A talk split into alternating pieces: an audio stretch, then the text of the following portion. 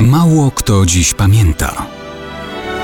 Datownik historyczny prezentuje Maciej Korkuć.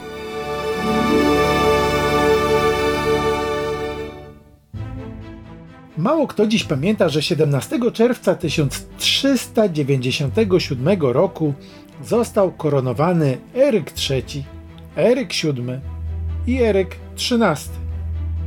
Wszyscy Erycy zostali koronowani tego samego dnia? Owszem, wszak był to jeden i ten sam Eryk Pomorski, książę słupski i stargardzki z rodu Gryfitów, syn księcia Warcisława. Żeby było ciekawiej, ów urodzony w Darłowie Eryk III, Eryk VII i Eryk XIII na chrzcie wcale nie otrzymał imienia Eryk, ale Bogusław. I dopiero po kilku latach zmieniono mu imię na Eryk. Więzy dynastyczne pomogły w tym, że ów Eryk Pomorski został koronowany najpierw na króla Norwegii. Po kilku latach udało mu się uzyskać zgodę na objęcie tronu duńskiego, a także wybrano go na króla Szwecji. Te okoliczności w sposób walny przyczyniły się do zawarcia latem 1397 roku Unii Kalmarskiej. Był to związek tych trzech królestw skandynawskich Szwecji, Norwegii i Danii, które miały być połączone osobą wspólnego władcy. Tak więc Eryk, jako już wcześniej koronowany król Norwegii, owego 17 czerwca 1397 roku został oficjalnie koronowany także na władcę Danii i Szwecji. W Norwegii był ów Eryk Erykiem III.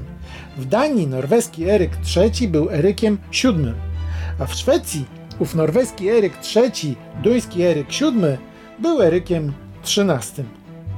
Tak się porobiło, że kilkadziesiąt lat jego rządów w gruncie rzeczy przyniosło niezadowolenie we wszystkich tych królestwach.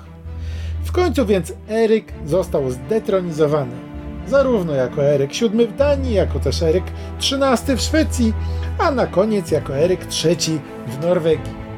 W ten sposób Eryk III, Eryk VII i Eryk XIII na powrót stał się co najwyżej Rykiem Pomorskim, bowiem po śmierci swojego stryjecznego brata Bogusława IX objął tron i zamieszkał w rodzinnym Darłowie. Jeśli tam zawędrujecie Państwo w czasie wędrówek wakacyjnych, to w kościele mariackim bez trudu znajdziecie ozdobny sarkofag Eryka III, Eryka VII, Eryka XIII, Eryka Pomorskiego i Bogusława w jednej osobie.